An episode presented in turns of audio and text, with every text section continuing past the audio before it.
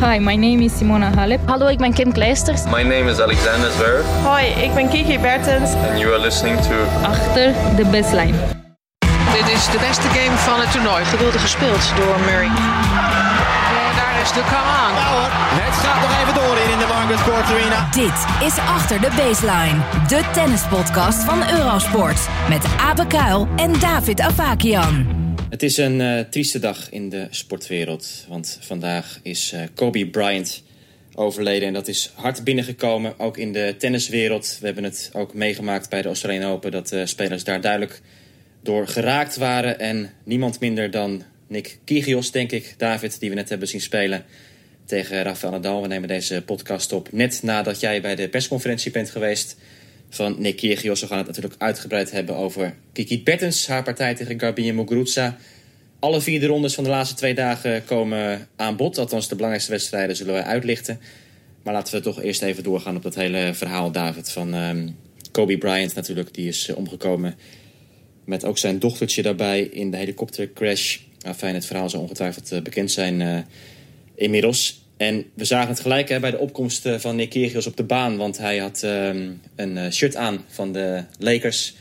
Het bekende basketbalteam waar Kobe Bryant heeft gespeeld. En zijn naam achterop. En hoe was dat, David, om, uh, om Kyrgios zo die baan te zien komen? Ja, dat was een ontzettend emotioneel moment. En hij brak natuurlijk zelf ook. Hè. De tranen schoten hem in de ogen. En eerlijk gezegd, we hadden er eigenlijk allemaal wel rekening mee gehouden... dat uitgerekend Kyrgios ook een soort eerbetoon wel zou doen. Want ja, de hele tenniswereld die had het er al over de hele dag. Uh, vanaf de ochtend, want toen wij hier wakker werden in Melbourne... Ja, toen, ja, toen hoorden wij het eigenlijk pas... Terwijl het in de rest van de wereld mm-hmm. misschien natuurlijk al eerder bekend was. Um, en ja, weet je, iedereen uh, die reageerde erop. En het was eigenlijk wachten op hoe gaat uh, Kyrgios het doen. De verwachting was natuurlijk al wel dat hij iets met, een, met zo'n shirt zou doen. Omdat hij ook op, op momenten dat er helemaal geen aanleiding toe is... ook in basketbalshirts rondloopt en op, verschijnt. Ja. dus ja, dat deed hij. En dat was een prachtig emotioneel moment op de baan.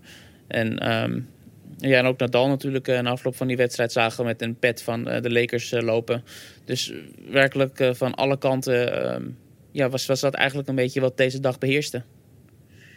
Ja, ja ik zei hij is, hij is vandaag overleden, maar voor ons is dat natuurlijk vandaag. Wij maakten het mee toen we wakker werden, maar het is in Amerika gisteren al, uh, al gebeurd. Um, ja, dus dat, dat is uh, natuurlijk iets heel treurigs. En ja, het was uh, iets wat, ja, je zegt Nadal, bij het interview zette hij die pet op. En uh, McEnroe vroeg er ook gelijk naar, John McEnroe, met het onkort interview. En je zag dat Nadal ook bijna in tranen volgens mij uitbarsten toen, toen hij antwoord moest geven op die vraag. Maar ja, we gaan het toch echt over het uh, tennis hebben verder. En um, laten we dan die wedstrijd van Kyrgios en Nadal eerst maar even bespreken. David, die zit nog het meest vers in het geheugen. Het was de kraken waar het meest naar werd uitgekeken. Van alle vier de ronde partijen. En het werd in heel veel opzichten eenzelfde soort wedstrijd als dat zij vorig jaar tegen elkaar speelden op Wimbledon natuurlijk, Nadal en Kyrgios. Ja, zelfs met een uh, identieke einduitslag uh, qua setstanden. Een viersetter, de tiebreak en... Uh, ja, op papier in ieder geval wel uh, identiek. En opvallend genoeg, uh, ja, zoals je zei, liep ik net uit de persconferentie van Kyrgios. En hij vond dat er wel aanzienlijke verschillen waren. hij vond dat hij vandaag veel dichterbij zat. En, um, en, en, dat Nadal nu ook wel heel erg goed speelde. die wedstrijd op Wimbledon, ja, dat, daar kwam hij toch niet zo goed voor de dag, vond hij zelf. Ja, maar vandaag had hij echt het gevoel dat hij op zekere momenten, als hij een beetje had door kunnen drukken, uh, de overhand had kunnen overnemen. Hij had het momentum aan zijn zijde, vond hij. Um, een belangrijke reden dat het hem niet lukte om, om echt uh, ja, zeg maar door te gaan en, en zeg maar dat een kleine beetje nog te vinden, uh, was de, de traagheid van de baan. Dat noemde hij een paar keer in de persconferentie, dat het ontzettend moeilijk was om, uh, ja, om winnende slagen te hebben en, en, en, om aces te slaan ook, waar hij natuurlijk zo bekend om staat. Um, ja, goed, dat gaf Nadal ook de gelegenheid, zei Kyrgios, om, om steeds maar weer natuurlijk een extra bal terug te brengen. En, en die verdedigende kwaliteit ook met de slice van de Spanjaard was hij zeer van onder de indruk. en over het algemeen vond hij Nadal gewoon zeer sterk vandaag. Dus um, ja, zeker wat je zegt. Uh, opnieuw uh, Nadal die op een Grand Slam toernooi in vier sets uh, langs Nick Kyrgios gaat. Ja, um, waar natuurlijk de wedstrijd echt begon vandaag... dat was in de tweede set toen Nadal het momentum een beetje kwijtraakte... omdat hij niet gelijk een vroege break maakte na het winnen van de openingsset. Hij had toen ook gelijk alweer een kans om te breken. kwam in de rally en dat was eigenlijk een punt dat hij een beetje onnodig verloor. Kyrgios kwam daarna een hele lange game tot servicebehoud. En toen ging het los. Hè? Toen, toen kwam hij ook ehm, ja, gevoelsmatig volgens mij eh, een beetje eh, qua vertrouwen beter in de wedstrijd neer. Kyrgios. Het ging op service. Hij, hij brak Nadal toen zelf heel snel, eh, beter gezegd.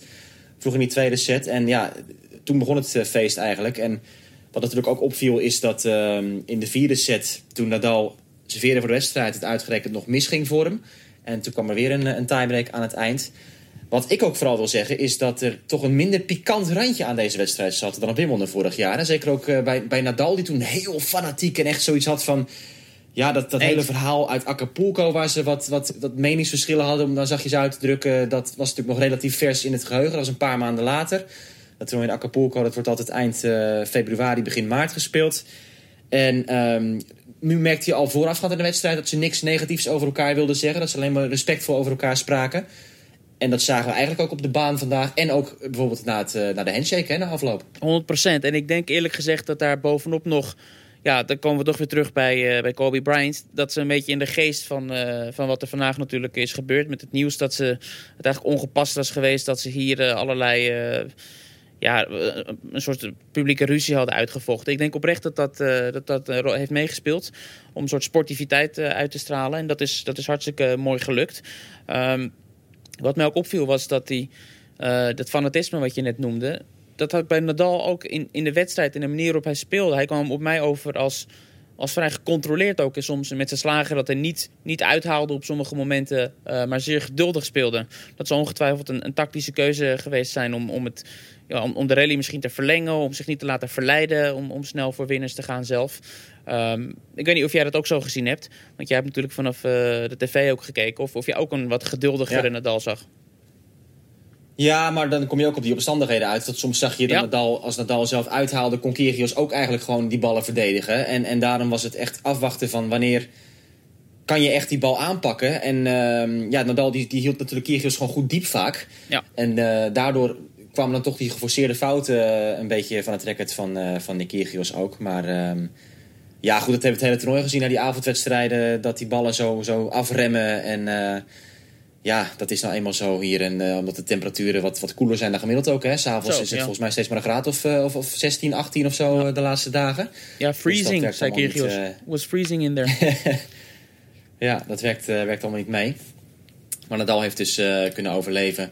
En heeft zich geplaatst voor de kwartfinale. We gaan even dan eerst door naar toch ook natuurlijk de belangrijkste wedstrijd uh, voor jou vandaag op locatie. Voor de kijkers uh, waar ze het meest zich op verheugd hebben naast Nadal tegen Kyrgios. Dat is het optreden van Kiki Bertens geweest. Die moest al vroeg aan de bak. Ja. Want het ging uh, rap met de dagsessiewedstrijden. Bertens die startte al rond, volgens mij, kwart voor vijf ongeveer, dacht ik. Um, tegen Garbine Muguruza. En het begon met een break voor Kiki Bertens. Maar daarna werd het toch een wedstrijd waar wij ook al een beetje voor vreesden, David. Ja. Muguruza die greep het initiatief vanuit het achterveld. Die kon zelf dicteren. Ik heb het zelf meerdere keren gezegd. Het grote probleem van Bertens was dat zij gewoon geen lengte kreeg in haar slagen. Waardoor ja. Muguruza ook echt uh, ideaal haar eigen spelletje kon spelen. En het was uh, een volkomen terechte 6-3, 6-3 voor Muguruza. Ja, en goed, de intentie was er natuurlijk wel uh, bij Kiki vanaf het begin om het aanvallende te spelen. We zagen ook dat ze, dat ze ballen sneller wilde nemen en, en zelf de aanval wilde zoeken. Maar ja, aangezien ze dat gewoon simpelweg niet gewend is en aangezien dat een soort nieuwigheid voor haar is dan, ja, dan komen daar gewoon fouten bij kijken. Haar spel is daar gewoon niet op afgesteld. Kijk, als ze nu wekenlang uh, daarop traint en elke wedstrijd op die manier probeert te spelen, ja dan, ja, dan zit je er wat sneller in misschien. Maar als je dan tegenover Muguruza komt, die eigenlijk niet beter weet, hè, die altijd op die manier speelt en, en um, dat, ja, dat initiatief neemt dan over het eerste momentje bij je strot uh, vastgrijpt, ja, dan gaat het gewoon mis. Mm. Zeker in de vorm waar ze nu in steekt. Um, maar ja, we hadden het natuurlijk voorspeld, uh, zoals je zegt ook. Want ze zal echt moeten liften qua niveau, Kiki, om, um, om een kans te maken tegen deze versie van Garbine Muguruza. Die weliswaar uh, niet ongeplaatst is. Maar zich ontzettend uh, goed lijkt te voelen. En ook tegen Svitolina in de vorige ronde al echt een statement gaf. Hè, door haar van de baan af te, te mappen werkelijk. Um, dus nou, Kiki die, die, die, probeerde het via de aanval. Kiki probeerde het ook via wat variatie. Hè. Er was een moment in de wedstrijd waarop ze wel degelijk ja, het momentum omgooide gaat misschien wat ver, maar dat ze wel met, met een paar uh, geslaagde dropshotjes en met wat, wat vertragende ballen enigszins kon ontregelen. Maar het duurde gewoon allemaal niet lang genoeg. En zoals je zegt, ook ja, die diepte ont, ontbrak, waardoor Muguruza eigenlijk vrij snel weer ja, het initiatief kon grijpen.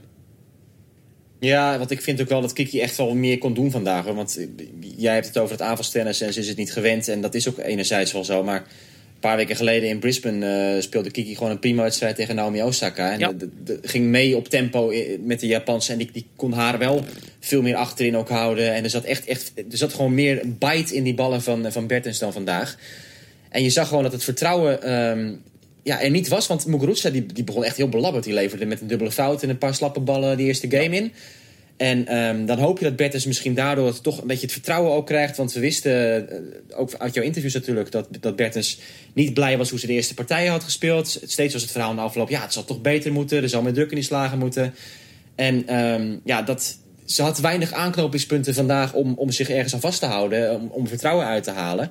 Het waren incidentele aardige puntjes af en toe. Maar dan vrij snel um, daarna ja, dan, dan, kwam er weer een teleurstelling. Want je zag wel, wat ze wel goed deed, Bertens, is als ze een punt won... dan ging ze toch gelijk met die kamaan uh, ook uh, erin. Um, ja. Alleen ja, het, het, was gewoon niet... Uh, er zat geen lijn in, dus het was niet constant genoeg. En bij Muguruza was het wel, dus ja, en... dan moet je haar feliciteren. Ja, en, en Muguruza die serveerde uiteindelijk heel goed op de eerste game. Daar gelaten natuurlijk. En, en Kiki die had moeite gewoon om, om, om vaak returns in te krijgen. En waar ze ook moeite mee had was de return van Muguruza gaf ze aan. want Kiki is het normaal gesproken gewend dat ze naar haar opslag ja, toch kan jagen meteen met, haar, met, haar, met haar voorhand. Ja, daar kwam het eigenlijk helemaal niet zo van, zei ze zelf ook. En om ook nog even te reageren op wat je zei over Brisbane en Osaka. Ook Kiki die is, het, die is daarmee eens. En die zei dat ze daar eigenlijk veel beter speelden dan, dan hier in het toernooi. Uh, ja. Dus, dus ja, eigenlijk alle dingen die jij noemt, uh, is ze het volkomen mee eens. En het, en het feit dat ze hier dan in die vierde ronde staat, is, is natuurlijk zoals we al gezegd hebben. Uh, omdat ze gewoon het maximale uh, eruit heeft gehaald qua loting. Hè. Ze heeft drie wedstrijden gehad die ze moest winnen, dat heeft ze gedaan. En dan komt ze nu ja, tegen Muguruza. En ja, dat, dan is dit ja, voor hoe ze nu speelt gewoon niet voldoende. En dat is enerzijds jammer, want het is, nou ja, om te zeggen dat het een uitgesproken kans is tegen Muguruza om nu zo'n kwartfinale hier te halen, is, gaat ook misschien wel wat ver. Want ook als Kiki in een goede doen was geweest, was het maar zeer de vraag of, of ze Muguruza had kunnen kloppen vandaag op hardcourt. Want ook de eerdere ontmoetingen, de meest recente ontmoetingen met uh, de Spaanse, die zijn toch richting uh, Muguruza gegaan. De enige overwinningen die Kiki op haar geboekt heeft is echt 2011, 2012 op, op, op lager niveau, op gravel ook nog. Dus het is niet per se een matchup die, uh, die Kiki goed ligt.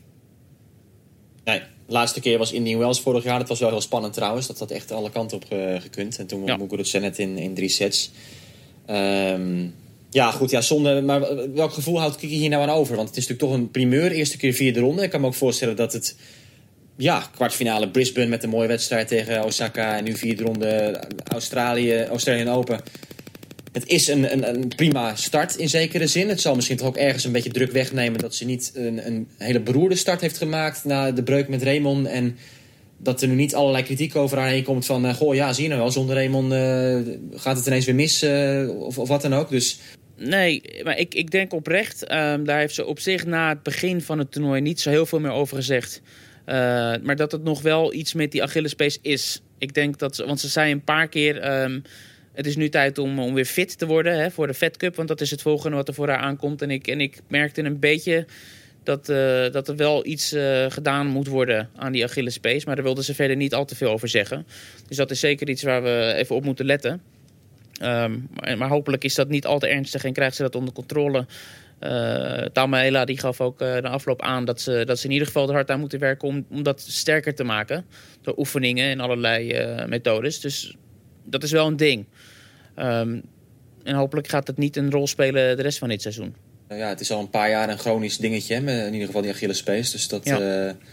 het is niet iets heel nieuws of zo verder voor Kiki. Maar die Fed Cup, wat je zegt, komt er al snel aan. Het is over anderhalve week zo'n beetje Nederland, Wit-Rusland dan. En dan uh, ja, hopen we natuurlijk dat Kiki uh, het team op sleeptouw kan nemen. Goed, dan even verder terug naar uh, gisteren eerst maar even, David. Laten we het even, even chronologisch nu, nu af gaan, gaan ronden. De vierde rondes. En nou ja, misschien eerst maar gewoon even bij de vrouwen blijven. We hadden natuurlijk de wedstrijden uit de bovenste speelhelft. Toen Ashley Barty die is ontsnapt tegen uh, Alison Risk. De nummer 1 van de wereld. Ja, dat is toch eens een plaaggeest, hè? Ja, en dat heeft ook alles te maken met, met, met speelstijlen. Want Risk is natuurlijk vooral bekend door haar enorme succes op, uh, op gras. En ja, wat, wat gebeurt er op gras? Dat is dat de ballen laag blijven. En wat is een heel belangrijk wapen voor uh, Ashley Barty? Dat is die slice backhand. En tegen Risk is het in feite niet echt een backhand. Want, uh, of niet echt een, een, een, een, ja, een wapen. Omdat Risk met, met, die, met die, graag die lage ballen speelt. En ja, voor Barty dus een leuke puzzel om op te lossen. Maar uiteindelijk kwamen ze er wel echt doorheen als, als een nummer 1 van de wereld, wat mij betreft. En kregen ze natuurlijk aan het eind wel een beetje hulp door de dubbele fout op matchpoint. Maar ik, ja, dat is natuurlijk een heel belangrijke zegen voor uh, Barty. Ja, en nu tegen Petja Kvitova. Dat is wel een, uh, een stevige kwartfinale waar we ons op uh, kunnen verheugen. Kwiet je een gevoel dat Kvitova misschien wel geen betere kans meer gaat krijgen om een Grand Slam te winnen dan nu bij deze Australian Open? Want elders in die helft zitten Kenin en Jabeur. Dat is de andere kwartfinale. Nou, Kvitova heeft hier vorig jaar van Barty gewonnen, hè? Toen op weg naar, naar de eindstrijd. Ja. Dus, uh, dat, dat, zeiden wij ook de hele tijd ja. tegen, tegen Kvitova. We herinnerden haar aan het feit dat ze dat heeft gedaan. Maar toen was zij ook alweer heel snel altijd met de reactie van... ja, maar sindsdien heb ik ook al een paar keer van haar verloren. Dus uh, we kunnen wel uh, de tussentijd negeren, maar ze werkte natuurlijk niet. Dus ze is absoluut zich bewust van, van het gevaar van Barty. En, um, en Barty is natuurlijk zelf ook een stuk verder. Hè? Elk, ze, ze is steeds meer in die rol aan het groeien als nummer 1. Ze heeft natuurlijk ook een vrij grote spoor, voorsprong op die uh, wereldranglijst. Dus ze is eigenlijk gewoon de onbetwiste beste speelster van dit moment. Ook al heeft ze nog niet, uh, nog niet zeg maar, de lange loopbaan van Kvitova bijvoorbeeld. Maar ze is wel echt de speelster ja. in vorm. Coco Gauff die liet zien dat ze toch nog steeds maar een meisje van 15 is... aan het eind van de wedstrijd tegen Sofia Kenin. Het uh, avontuur eindigde in de vierde ronde. Toch weer een waanzinnige prestatie natuurlijk van uh, Coco Gauff. Maar ja, dat is ook wel interessant, want dat zijn natuurlijk twee uh, Amerikaanse speelsters die allebei gewoon nog heel jong zijn. Want Sofia Kenin, ja, die heeft ja. niet zo'n hype om zich heen hangen dan, dan Coco Gauff, maar die is ook nog pas 21. En is hier al als veertiende geplaatst. Vorig jaar kende nog niemand zo'n beetje Sofia Kenin. En zij staat nu in de kwartfinale. En dat is een hele kansrijke wedstrijd voor, voor Kenin. Maar ja, het is wel een, een, een geboren wedstrijdspeelster, hè? Zo'n ja, beetje. Ja, absoluut. En ik, ik baal enorm van één ding. En dat is dat ik tijdens onze preview podcast niet zei wat ik voelde. En dat was dat Kenin volgens mij echt een, een waanzinnig goed jaar gaat draaien in 2020. En ik, ik, had zo, ik had het nog voorbereid. Ik moet zeggen tijdens de podcast van... Uh, er zit een grote cirkel om de naam Sofia Kenin heen. Die gaat echt uh, wat doen dit jaar. Maar ik, ik ben het gewoon vergeten toen. En, maar ja, goed, dat is makkelijk natuurlijk achteraf zeggen. Zo kan, uh, zo kan jij het ook. onze voorspellingen zijn immers vrij belabberd geweest de afgelopen tijd. Ja, ik, ik had ook onze in de kwartfinale willen zeggen. Maar ja, goed, dat uh, zie je maar. Ja, ja, ja. ja nee, dus, maar precies wat je zegt, dat is echt een bijter. En in zekere zin ook logisch dat Golf dan uitgerekend van haar verliest. Want het is natuurlijk een speelster die niks weggeeft. Terwijl Osaka en van wie we ons er nog meer... En, en, bijvoorbeeld een Venus Williams, ja, die kunnen gewoon af en toe van de leg raken... en, en, en bal naar bal gewoon missen. Nou, Kennen niet. Dat is echt een, een, een muurvaste speelster. Een, echt een wedstrijdspeler inderdaad, wat je zegt. Ja, vorig jaar ook tegen Serena op Roland Garros. Hè. Dat was echt zo'n uh, zo'n ongelofelijke mentale strijd. Ook het kennen ja. zich totaal niet liet intimideren tegen Serena. Gewoon kaart tegenin ging. En die wedstrijd ook, uh, ook wist te winnen. En dan komen we uit op haar tegenstander. Dat is ons Jabeur. Dat is de dame die de carrière van Caroline Wozniacki heeft beëindigd. En die ook van uh, Wang Chang nu heeft gewonnen. Ja, Tunesische, uh, echt gouden handjes heeft zij natuurlijk in huis. Ja. Ze, is, ze is altijd gewoon veel te zwaar geweest. Dat, uh, daar kunnen we niet omheen draaien. Ze is gewoon niet, niet fit geweest uh, in al die jaren. Um, ziet er nu fitter uit. Het kan nog steeds beter wat, je, wat mij betreft. Maar goed, dat is een, een, natuurtalent. Ook een voormalig Roland Garros kampioen bij de junioren, ons Jabeur. En dat is ook wel een verhaal natuurlijk. Nou ja, zeker ook als je kijkt, want we hebben Wozniacki natuurlijk een paar keer genoemd. Maar als, zij heeft vier tegenstanders gehad. Ze heeft ook Conta uitgeschakeld. Ze heeft ook Caroline Garcia verslagen. En dus uh, Wozniacki en nu ook Zhang Wang. nou, dat is, dat is denk ik misschien wel gemiddeld genomen het, het, stevigste rijtje van alle speelsters die nu in de kwartfinale staan. Um, ja, dat is absoluut een, een, verhaal. Natuurlijk de eerste speel, Arabische, hè, die, die, die zulke dingen presteert op tennisgebied. Zeker de eerste Tunesische überhaupt, die, die zover komt op een Grand Slam toernooi.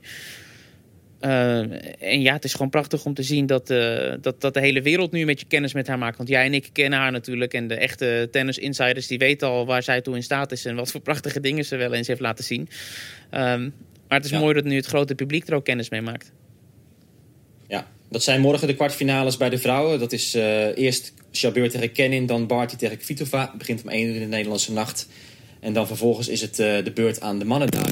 Dan uh, komen we ook dus bij de mannen terecht die gisteren hebben gespeeld. En dan zien wij het affiche Roger Federer tegen tennis Sandgren. Laten we met Federer beginnen. Dat was weer even billenknijpen hè, tegen Marton Fucsovic. Ja, dat was mooi wat hij erover zei. Hij, hij, gaf toe dat, dat die wedstrijd tegen Milman nog enigszins uh, in zijn hoofd zat. En dat het vertrouwen eigenlijk een beetje van in zijn baseline spel eruit was gehaald door de Australiër. En dat hij in de eerste set tegen Fucsovic of Fucsovic, ik heb dat nog niet helemaal uitgezocht hoe dat uitgesproken moet worden, um, uh, dat dat nog meespeelde. Maar ja, goed, na die eerste set uh, ja, raakte hij wel redelijk op, op stoom, de Zwitser. En als, we, als je ook gewoon strikt naar het spel kijkt, is het eigenlijk net als Krajinovic eerder in het, uh, in het toernooi een speler die, die precies eigenlijk op een manier speelt uh, waar Federer wel raad mee weet. De, de balbanen en, en, en, en, dat soort dingen. Dat, dat, als de Zwitser gewoon zijn niveau haalt, dan, dan is dat gewoon iemand die, die uit elkaar kan spelen. En dat deed hij uiteindelijk. Ja.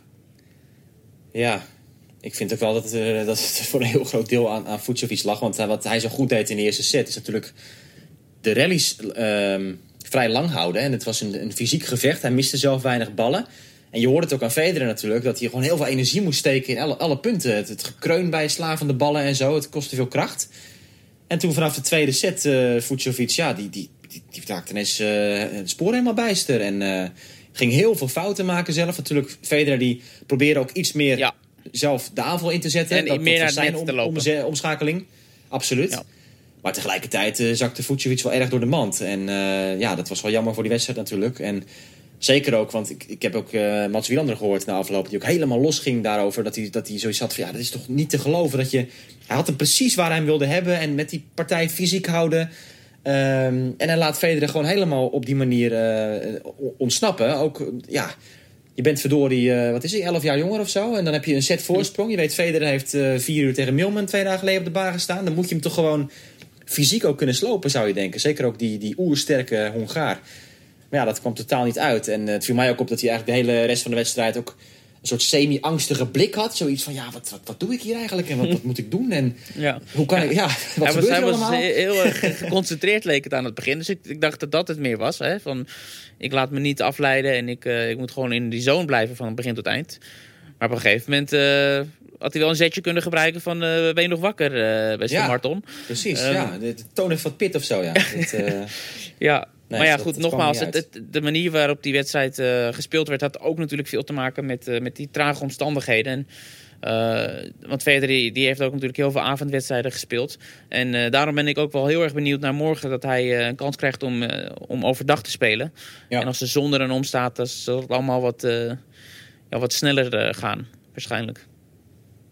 Maar goed, dus dan noem je nog een argument. Hè. Het was inderdaad ook avond, het was koud. Dus het er waren alle omstandigheden waar daar voor Vucevic... om Ja. Federer echt fysiek tot het gaatje te brengen. En dat, ja, dat liet hij toch een beetje, een beetje liggen. Ehm, ja, Federer tegen tennis Sandgren. We weten één ding zeker. Als Federer de halve finale haalt... heeft hij het hele toernooi geen geplaatste speler getroffen... en heel het toernooi geen speler uit de top 40 zelfs. Dus dat zit allemaal niet, eh, niet tegen voor Roger. Ehm, tennis Sandgren, ja David... eh, twee jaar geleden ook in de kwartfinale gestaan in Melbourne is de nummer 100 van de wereld. Hij heeft aangegeven dat hij dat twee jaar geleden toch een beetje als een soort eh, incident heeft ervaren, die kwartfinale. Dat hij niet het geloof had, het vertrouwen dat hij echt thuis hoorde op dat eh, niveau. Ehm, permanent, dus daardoor is hij ook weer een beetje teruggevallen. Maar nu is het een ander verhaal, zegt hij. Hij is ook eh, ontzettend hard aan het trainen geweest tijdens het off-season. Is, is helemaal afgetraind en hij heeft zoveel vertrouwen in zijn eigen lichaam. Ook dat hij nu een sleeveless shirt heeft aangetrokken. Ja. Om het allemaal een beetje te laten zien aan, aan alle tennisfans. Ehm, die kan je trouwens dubbel opvatten. Dat was niet eh, de bedoeling, die woordgrap. Maar ehm, ja, het is natuurlijk een, bizarre naam sowieso van, eh, van, van die gozer. Ja. En Federer die had ook nog wat, eh, wat grapjes over. Hè? Ja, dat was eigenlijk dat is een vrij drama dramatisch interview natuurlijk met Johnny Mac op de baan. Dat, dat liep helemaal uit de hand. En dat gaat ook altijd veel te lang door als John McEnroe natuurlijk die, die interviews doet. En Federer die, eh, ja, die raakt hier een beetje de melige bui. En Maakte wat, eh, ja, wat, wat kinderachtige grapjes natuurlijk. Maar dat, dat gebeurde al snel met, eh, met Tennis Sandgren als eh, tegenstander op een tennisbaan. En ik las ook alweer op Twitter vandaag dat hij ook een, een coach schijnt te hebben die Karsten Bal heet. En, en, en dat- dan heb je dus tennisbal als duo. Dus ja, de, Ja. De, de, de grappen die, die blijven maar komen daaromtrent. Maar eh, Ja. alle, alle grappen daar gelaten. Wat, wat Sandgren toch presteert op Grand Slam niveau is, is vrij eh, bizar voor iemand van zijn statuur. Want je zegt het zelf, hij is eh, nummer 100. Hij heeft eigenlijk op de ATP-tour niet echt een, een, een rol van betekenis. En niet een serieuze rol van betekenis. Maar als je kijkt naar wat hij op Grand Slams presteert. Hij heeft, wat is het nu, al vier, vijf keer gewonnen van een top 10 speler in, eh, in Grand Slam verband. Ja, dat is... Dat, Ja, top 20. Hij, hij heeft eh, een 5-2 balans volgens mij tegen top 20 spelers in, Ja. eh, in de slams. ja, dat is beter dan een... eh, ja, pak een beter Alexander Zverev bijvoorbeeld. ja. dus- ja. Ja, heel, heel, heel interessant verhaal. Absoluut. En hij won een uh, verhitpotje van Fabio Fognini in vier sets. Nou ja, goed, ga maar door. Het moet echt altijd lachen als ik Oh, nee, naam, goed, ik dacht nu, als de naam Fabio hoort, ja. dan moet je al vaak grinniken meteen. Ja, precies. Nou ja, dat is eigenlijk ook niets nieuws. Dus laten we dat maar even overslaan verder. Want we hebben nog, eh, nog meer te bespreken. Ehm, Milos Raonic tegen Novak Djokovic. Ja, Raonic is weer eh, doorgedenderd. Heeft ook eh, Marin Cilic zonder setverlies verslagen. Djokovic die won van, eh van Schwartzman in drie sets. En ja, dat, dat wordt natuurlijk eh, voor Raonic waarschijnlijk balen dat hij in de avond speelt tegen Djokovic. Hè, die trage omstandigheden. Dan heeft Ja. hij iets minder aan die, aan die service. En dat zal natuurlijk gewoon een, een zware dobber worden voor Djokovic. Die ook in de persconferentie al werd gevraagd van... Ja, kan je nou die, die topserveerders eens een beetje vergelijken? Hè? Raonic, Isner en, eh en Karlovic. En toen zei hij eigenlijk van... Ja, ik vind dat je... Dan vind ik dat Raonic kan ik nog wel het beste op retourneren eigenlijk van die drie. En, eh, dus ja, het zit wel goed met het vertrouwen waarschijnlijk Ja, het is, bij het is eh, ook bij 9 Novak. 9-0 hè, in onderlinge ontmoetingen. En, en ik moet eerlijk zeggen, als ik terugdenk aan eerdere ontmoetingen... dan is het altijd vrij pijnlijk eh, geweest hoor, voor Raonic. Dus ik Nou, Ja? Ja, er is één wedstrijd die zal ik nooit meer vergeten. Een keer op gravel in Rome. En toen was het echt gewoon een coinflip. En dat vond ik zo bizar. Dat, want het is toch een van de tragere gravelbanen in Rome. Ja. En Raonic stond er zo goed te spelen toen. En service volley heel de tijd. En, en Novak die, kon, die, die kon, kwam er gewoon echt niet doorheen. En eh, dus dat, dat, is, dat is echt nog zo'n zo'n wedstrijd die ik me goed kan herinneren. Ja.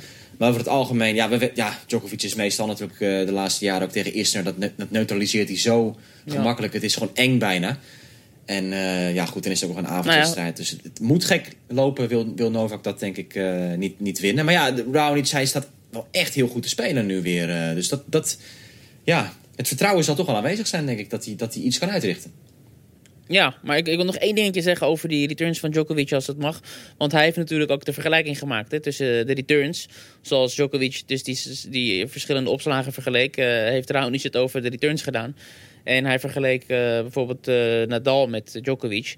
En, en Nadal zegt hij, ja, dan krijg je nog wel een kans om op de tweede bal iets uit te richten. Maar Djokovic die, die retourneert natuurlijk zoals we het allemaal zien elke keer. Zo, zo strak door het midden terug op je voeten als het ware. Daar kan je gewoon eh, vaak niet veel mee. En dan neem je gewoon alle hoeken weg. Dus ja, dat is... ja, goed, dat, dat kennen we. En dat is voor iemand die ook zo, zo groot is als, als Raonic natuurlijk slecht nieuws. Als je snel uit de weg moet om, eh, Ja. om, om een volgende bal te slaan. Ja. Dus dat zijn de kwartfinales van morgen bij de mannen. Federer Sandgren als derde aan de beurt van de dag. Dat zal dan ergens rond, rond vijf uur zijn, denk ik. Het zijn twee vrouwenwedstrijden daarvoor. En eh Raonic Djokovic in de avond. De wedstrijden van vandaag, David, die we nog niet hebben besproken. Er was een eh, hele prachtige partij natuurlijk nog bij. Met Wawrinka, die wist te winnen van Daniel Medvedev. Daarmee nam de Zwitserse revanche voor de nederlaag tegen Medvedev op de US Open vorig jaar. En oh, oh, oh, wat was dat weer een, eh, een, een, wereldpartij van eh Wawrinka. Ik heb het begin niet gezien, want toen eh, was Bertus Muguruza bezig natuurlijk. Maar we kwamen er op Eurosport in in de derde set. En eh, zeker ja, het einde van Wawrinka pakte met 6-2 in de vijfde set. Het was, het was weer de good old Stan. Hè? Zeker Ja. de Stan van Melbourne, die we natuurlijk eh, jaren hebben gezien. Ook eh, de, de wereldpartijen tegen Djokovic nog vers in het geheugen van vele tennisfans. En de titel die hij won in 2014. En hij zei het ook zelf na afloop dat, hij, dat dit zijn beste optreden was weer sinds de knieoperatie die hij had in 2017 was het alweer.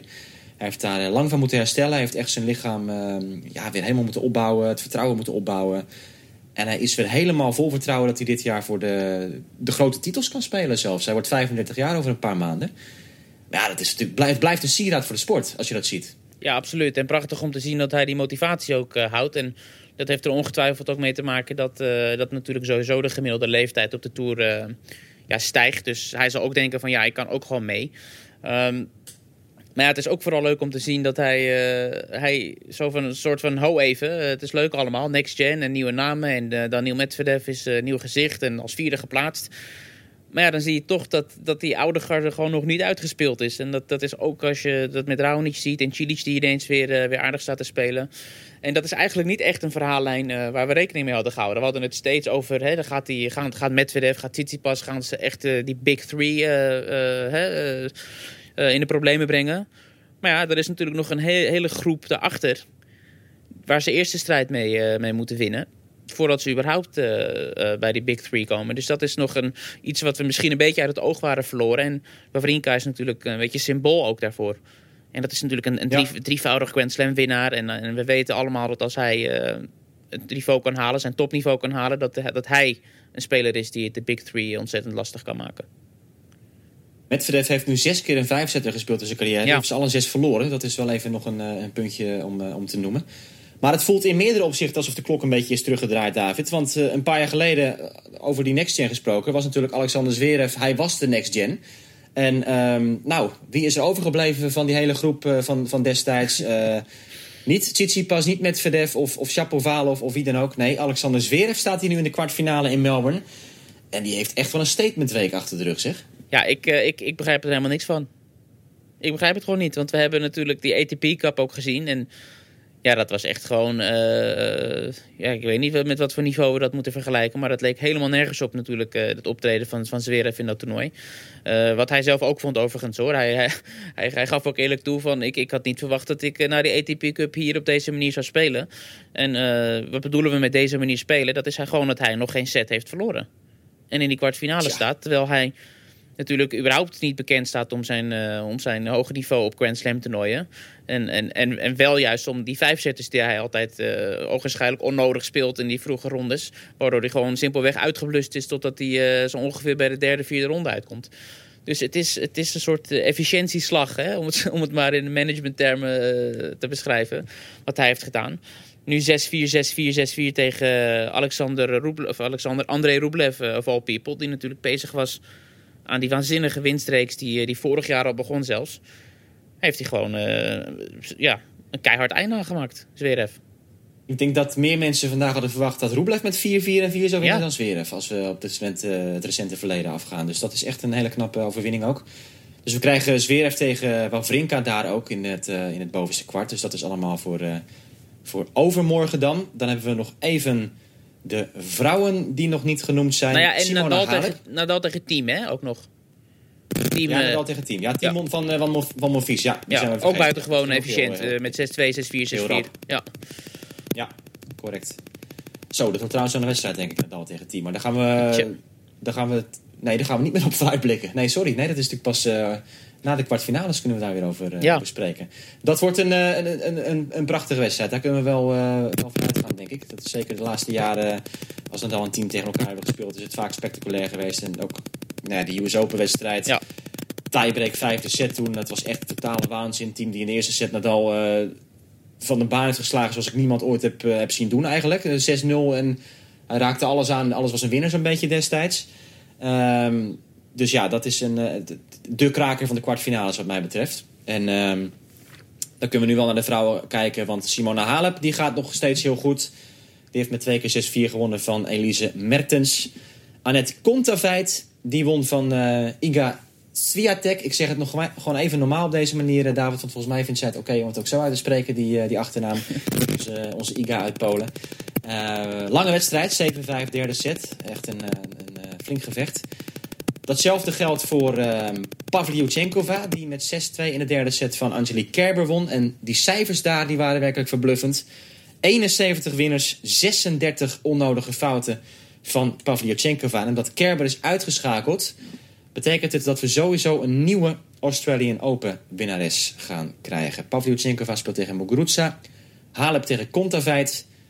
De andere wedstrijden zijn uh, eerder al genoemd. Wil jij nog even iemand uh, uitlichten daarvan, uh, David? Nou, ik, ik, ik wil een andere mogelijkheid uh, aanstippen. Naast het feit dat we uh, een nieuwe uh, Australian Open kampioen gaan krijgen. En ik kijk nu eh, misschien iets te ver vooruit. Maar ik vind het wel spannend om, eh, om, om te noemen dat mocht Halep of Muguruza winnen, hè, dit toernooi, Mhm. dan gaat dus één van die twee een derde verschillende Grand Slam winnen. Want bij, zowel Halep als Muguruza hebben natuurlijk Roland Garros en Wimbledon al een keer gewonnen. En als, als, als je dan ja, drie verschillende slams hebt, dan, ben je, dan hebben we weer een speelster die natuurlijk heel dicht bij dat eh, carrière Grand Slam is. En ja, dat zijn toch, eh, toch wel leuke, spannende dingen mocht het zover komen. Maar En stel dat, eh stel dat Muguruza wint, dan is het ook 2 uit 2 voor Conchita Martinez als haar coach. Tweede keer dat ze een Grand Slam erbij is. Vorige keer was op, op Wimbledon. En toen, eh, toen haalden ze de hoofdprijs binnen. Martinez heeft nog een leuke quote eh, eh, gehad vandaag. Want het ging erover dat er zoveel stemmen al in de tenniswereld opgingen. Dat Muguruza weer eens met Martinez moest gaan werken. Want het klikte toen zo goed samen op Wimbledon. En toen zei Conchita Martinez van ja... Nou ja, goed, eh, het is net een beetje als met relaties, hè? Want we willen toch ook eigenlijk allemaal dat Jennifer Aniston en Brad Pitt weer bij elkaar komen. ja.